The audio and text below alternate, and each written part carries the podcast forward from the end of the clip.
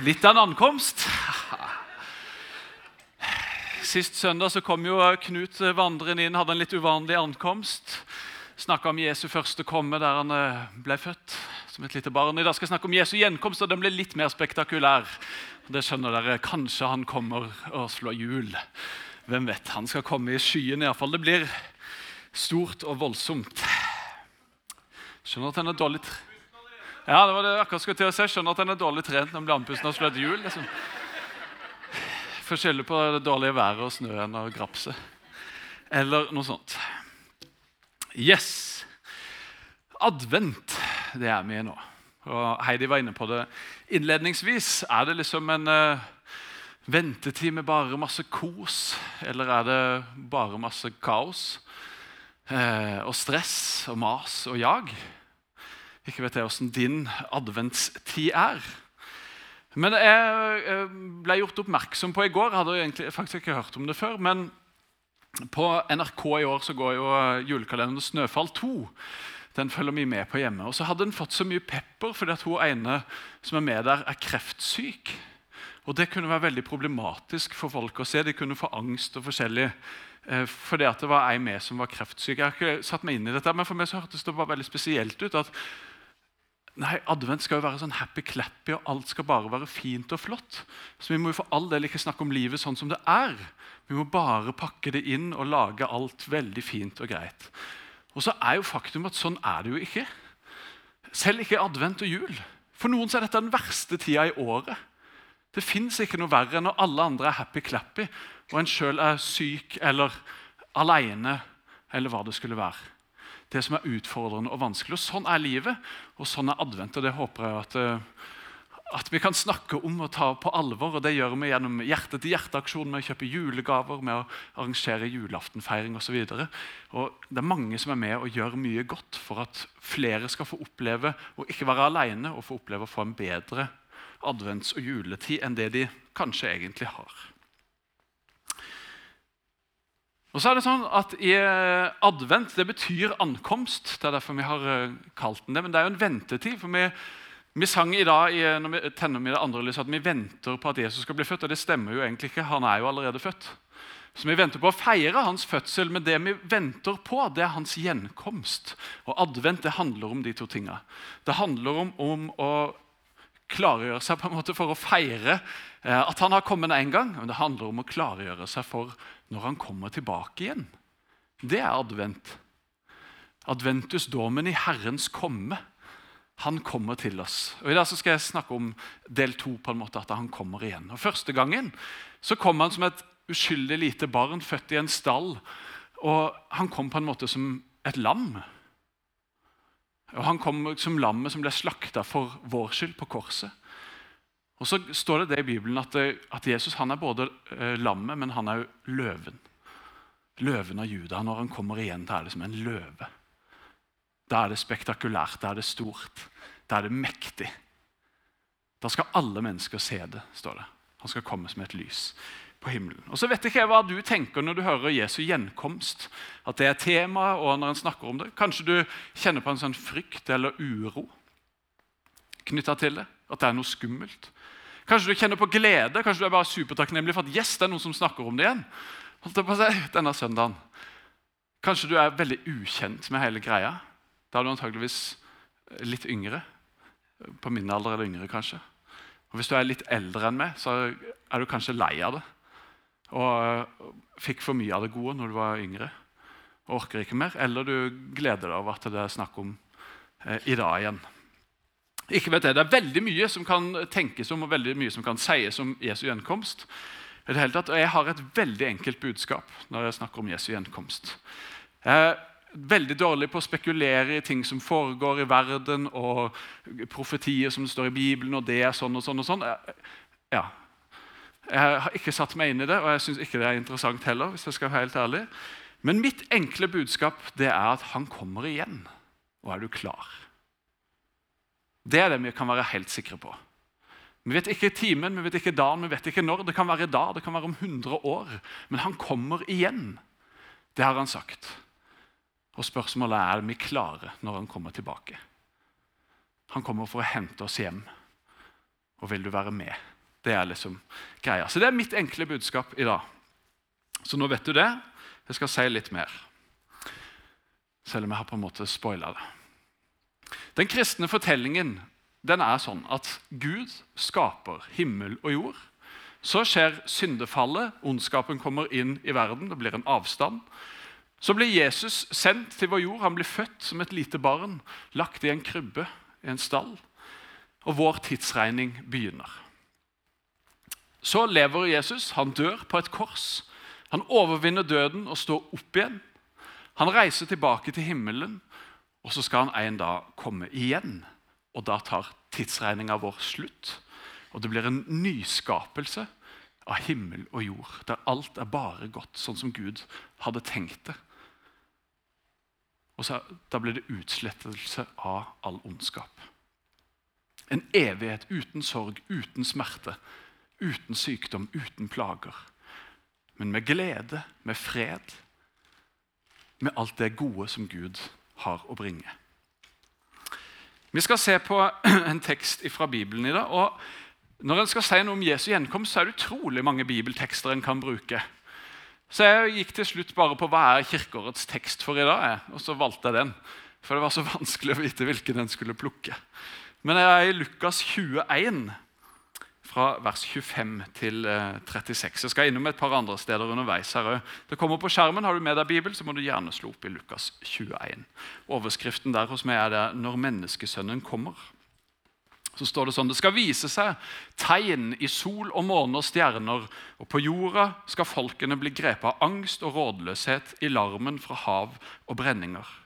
Mennesker skal få gå av redsel og gru for det som kommer over jorden, for himmelens krefter skal rokkes. Da skal de se menneskesønnen komme i skyen med stor makt og herlighet. Men når dette begynner å skje, da rett dere opp og løft hodet, for da skal dere snart bli satt fri. Det blir en utfordrende tid. Og så står det at vi skal løfte hodet. Og det henspiller på, I Det gamle testamentet så var israelsfolket i ørkenen. og Så hadde Moses satt opp en stav med en slange på som de måtte kikke opp på for å bli frelst, for å bli redda. Jesus han ble hengt opp på korset. Når vi ser opp på han, så blir vi frelst om vi blir redda. Og Når han kommer igjen, så skal han komme i skyen. Og Vi må løfte hodet og se, løfte blikket vårt opp og se på han som kommer for å redde oss fra det som er vondt og vanskelig og utfordrende rundt oss, og for å sette oss fri. Da skal dere snart bli satt fri. Det er fantastisk. Vi kan gjøre en sammenligning med krigen, andre verdenskrig og for så vidt alle kriger. Men under andre verdenskrig så eh, er det noe som kalles for D-dagen. Det var når de allierte inntok eh, stranda i Normandie. der. Det var et sånn avgjørende slag i krigen. Det var da det snudde. Og det var egentlig det som avgjorde krigen. Og i eh, vår greie holdt jeg på å si, så er det når Jesus dør på korset. Det er D-dagen. Det er da slaget er vunnet. Det er da ja, krigen er vunnet. Men det er fremdeles mange slag igjen. Djevelen nekter å gi seg. Under andre verdenskrig så nekta Hitler og de andre å gi seg. Det var fremdeles noen slag igjen, helt fram til krigens slutt. Når det endelig var over, og alle slag var over, og krigen var vunnet og ferdig. Og Sånn er det når Jesus kommer igjen. Det er den dagen krigen er slutt. Det er fremdeles noen slag igjen. Djevelen gir seg ikke uten kamp, selv om han vet at han har tapt. Så gjør han alt han kan for å ødelegge mest mulig fram til den dagen da Jesus kommer tilbake og til å utslette djevelen og alt det onde, og til å gjenopprette og gjøre alt nytt og gjøre alt godt igjen. Så Det er det siste slaget, det er når Jesus kommer igjen. Og Det kan vi se fram imot med glede. Og være takknemlige for å glede oss over. I Jesaja 65 så står det et vers som vi skal hive inn her litt midt i teksten vår. Det kommer opp. Og Der skriver Jesaja Han har jo eh, profetert mange ting om Jesu fødsel, og forskjellig, men også når han kommer igjen. Se, jeg skaper en ny himmel og en ny jord. Ingen skal minnes de første ting, ingen skal tenke på dem. Gled og fry dere til evig tid over det som jeg skaper. For se, jeg skaper Jerusalem om til fryd, og folket der til glede. Jeg vil fryde meg over Jerusalem og glede meg over mitt folk. Aldri mer skal det høres gråt eller klageskrik i byen. Det er altså noe å glede seg til, det er noe å se fram imot. Det er noe som skal skape en forventning i oss. Det er når Jesus kommer igjen. Det kan høres skummelt ut, det kan høres vanskelig ut i tida som ligger foran, men vi har et håp i vente. Vi har noe å glede oss til, vi har noe å strekke oss mot. Vi har noe som gir oss noe i våre prøvelser og vanskeligheter. Og Det er akkurat som englene sa, sang på marken til hyrdene. At det er en stor glede som er skjedd, en glede for hele folket når Jesus ble født. Og sånn er det når han kommer igjen Så hopper vi tilbake igjen til Lukas, der det står han fortalte dem en lignelse. Se på fikentreet og alle andre trær. Det er sånn at I Det gamle testamentet så er fikentreet ofte brukt som et bilde på Israel. Eh, og Det kan ha vært, øh, vært henspeila på her. Mange tolker det sånn, som at dette har noe med opprettelsen av staten Israel i 1948 å gjøre. Men det som i hvert fall er helt sikkert, det er at fikentreet var et av de få trærne i Israel som mister bladene sine og som får nye blader igjen. Så uansett så er det bare sånn, bare se, Lær av fikentreet. Det mister bladene sine om høsten, og så får det nytt skudd igjen om våren. Og Så ser han at se på fikentreet og alle andre trær. Når dere ser at de springer ut, vet dere av dere selv at sommeren er nær. Slik skal dere også vite når dere ser dette skje, at Guds rike er nær. Sannelig, jeg sier dere, denne slekten skal ikke gå før alt dette skjer. Himmel og jord skal få gå, men mine ord skal aldri få gå. Og Så skriver Lukas da videre.: Vær på vakt, og la ikke hjertet bli sløvet av rangel og drikk og dagliglivets bekymringer, så den dagen plutselig kommer over dere som en snare. For den dagen skal komme over alle som bor over hele jorden. Det han sier til oss, det er vær våken, vær klar. Han kommer tilbake, og vi vet ikke når, men det handler om å være, være våken og være klar. Og Det er det som vi kan gjøre mens vi venter. Og Så skriver han noe med, om rangel og drikk og dagliglivets bekymringer. Hvor lenge var dere oppe i går? Nei da. Men det handler om å være våken i livet. ikke sant? Hva er, det, hva er det vi bruker livet vårt på? Hva er det vi bruker tida vår på? Hvor er det vi investerer pengene våre? Hvor er det vi investerer tida og kreftene våre hen? Er det i vårt eget liv? I vår egen materielle velstand? I jordisk gods som en dag tar slutt? Bekymrer vi oss så mye over de materielle tinga i livet vårt? Eller løfter vi blikket og ser utover oss sjøl? og ser på noen andre som vi kan hjelpe, som vi kan bety en forskjell for. I den tida mens vi venter. Den tida der vi venter på at Jesus skal komme igjen. Åssen bruker vi den tida? Det er ikke likegyldig. Graver vi oss ned og gjemmer oss vekk og lever i frykt og bare venter på at han skal komme tilbake? Eller lever vi i livet vårt og tar del i det som er der? Og Har vi fokus på oss sjøl, eller har vi fokus på å bety en forskjell? Å investere i andre mennesker. Det er det eneste vi får med oss inn i evigheten. Det er andre mennesker. Så er du klar når Jesus kommer igjen? Blir du med når han kommer tilbake? Og hvem får du med deg på veien? I det store bildet så er på en måte det mye av det det handler om. Han er Immanuel, Gud med oss i dette livet. Han har en evighet klargjort for oss. Han spør oss er du klar, og hvem klarer du å få med deg? Hvem kan du invitere til å bli med deg hjem når han kommer for å hente oss? Åssen investerer du din tid og dine penger? Er de meg og mitt og mine? Eller er de noe mer enn bare oss sjøl? Det tenker jeg i den tida som vi nå er. Heldigvis har vi en sånn hjerte-til-hjerte-aksjon der vi kan kjøpe en gave. Men kanskje du kan invitere noen til å feire jul hjemme hos deg. Åpne hjemmet ditt. Kanskje du har noe du kan låne vekk. Kanskje er det en bil eller ei hytte eller Noe som kan være til glede og velsignelse for noen andre. De tinga som vi har, det vi eier, den tida vi har til rådighet, de pengene vi har. Bruk det på å skaffe deg venner som du kan ha med deg inn i evigheten. Fritt oversatt så står det noe sånn et sted i Bibelen. Så åssen bruker vi den tida som vi har fått? Åssen venter vi på Jesu andre ankomst? Der han skal komme som løven av Juda, som kommer i skyen for å hente sine. Og så skriver eh, Lukas videre. Våk hver tid og stund og be om å få kraft til å komme velberget fra alt det som skal hende og bli stående for menneskesønnen. Våk og be om kraft og bli stående. Og Spørsmålet mitt er er du klar for motstand. Og det stiller jeg til meg sjøl. Det kan virke som, både i tida rundt oss, på en måte, men ikke minst i det vi leser i Guds ord om de siste tider, om i tida før Jesus kommer til igjen, igjen at det skal bli motstand, forfølgelse, vanskeligheter. Er du klar for motstand? Er du klar for utfordringer og prøvelser og vanskelige tider? Er du klar for å holde ut? Hvis ikke det er en adventstid, en ventetid prega av bare glede og fred og kos og julekaker, men der det er ensomhet, sykdom, forfølgelse, plager Hvis det er det som ligger foran oss, er du klar? Det kan godt være det er det som ligger foran oss. Vi vet ikke hva morgendagen vil bringe.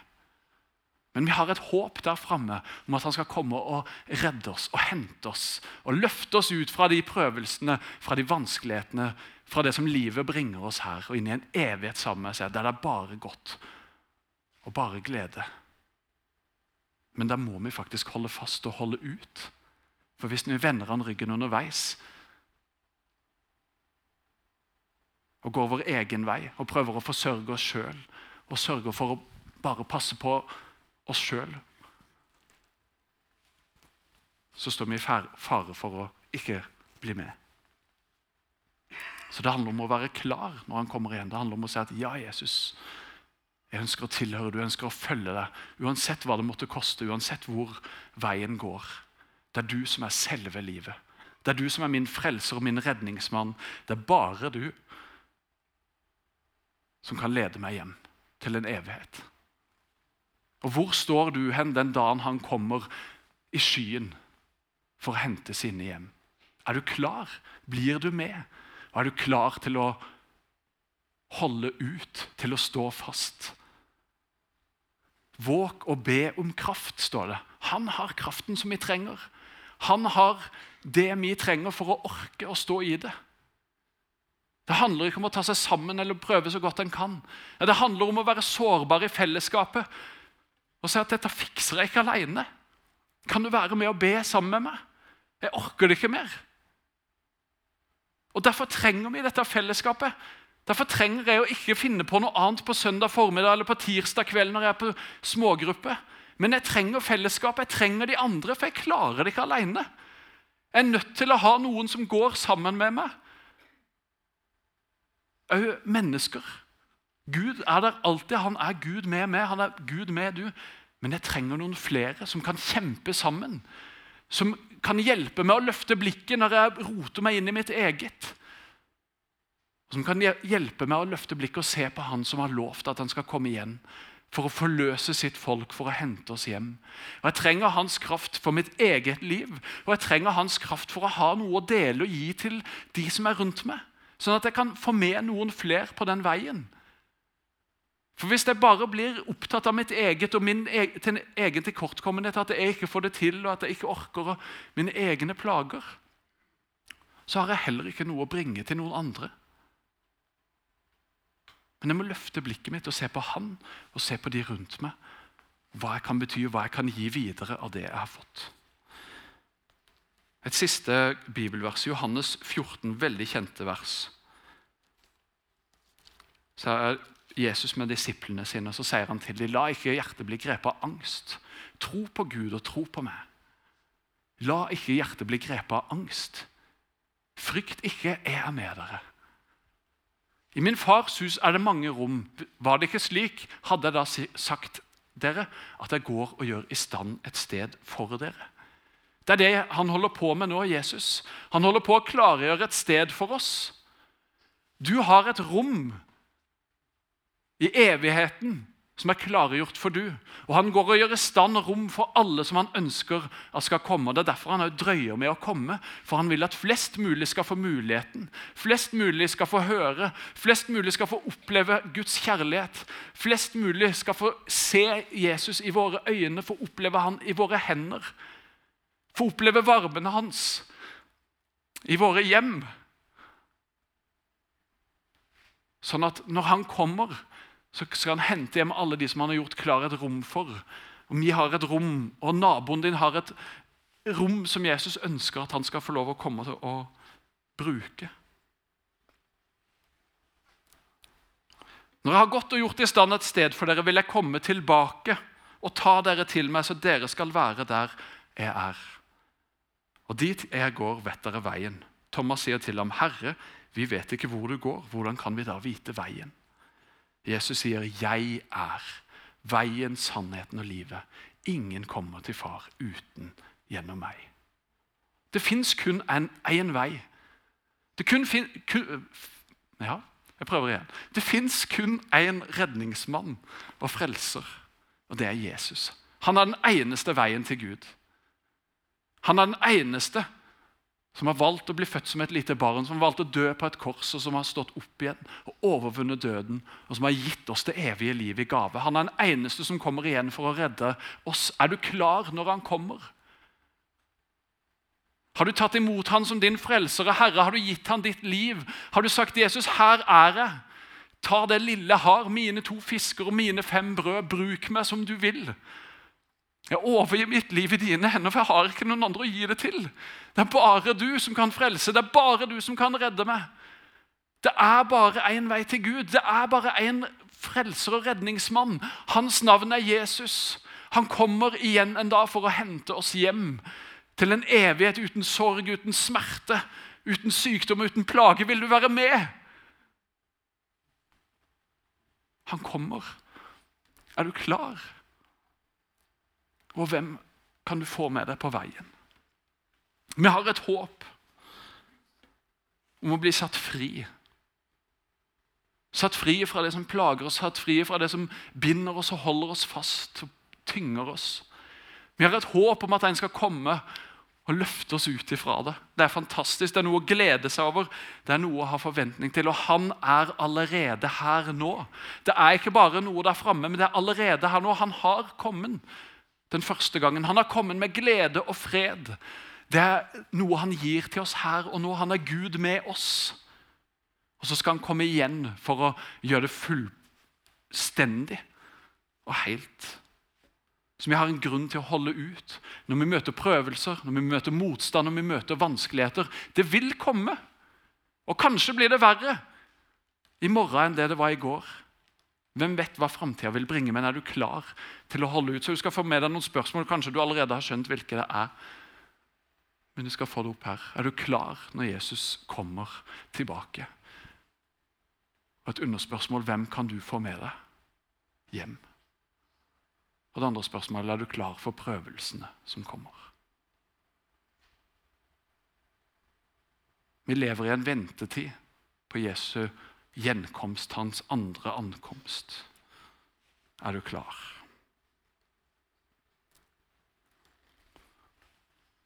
Nå skal vi be en bønn. Jesus Kristus, jeg takker deg for at du er frelser og redningsmann. Du er frihetens konge. Ingen er som du, Jesus. Takk for at du døde på korset og sto opp for en. Takk for at du kommer igjen for å hente oss. Takk for at du er Immanuel, Gud med oss, som er her akkurat nå. Kom du og rør ved oss, kom du og fyll oss, Hellige Ånd, med din kraft. Hjelp oss å løfte blikket og se på det. Hjelp oss å se de vi har rundt oss. De som vi kan bety en forskjell for, de vi kan invitere inn og invitere med hjem til deg når du kommer. Kom med ditt nærvær. Kom og fyll oss med alt det gode som du har. Kom og gi oss håp og framtid. Takk for at uh, vi skal få vår pris om vi bare holder ut. Amen. Før vi går over, over i nattvær og responsfase, så skal vi lytte til et dikt som heter 'Barnet i krybben' av eh, tidløs Martin Vikstøl som eh, oppsummerer advent og jul og Jesu innkomst synes jeg på en fin måte.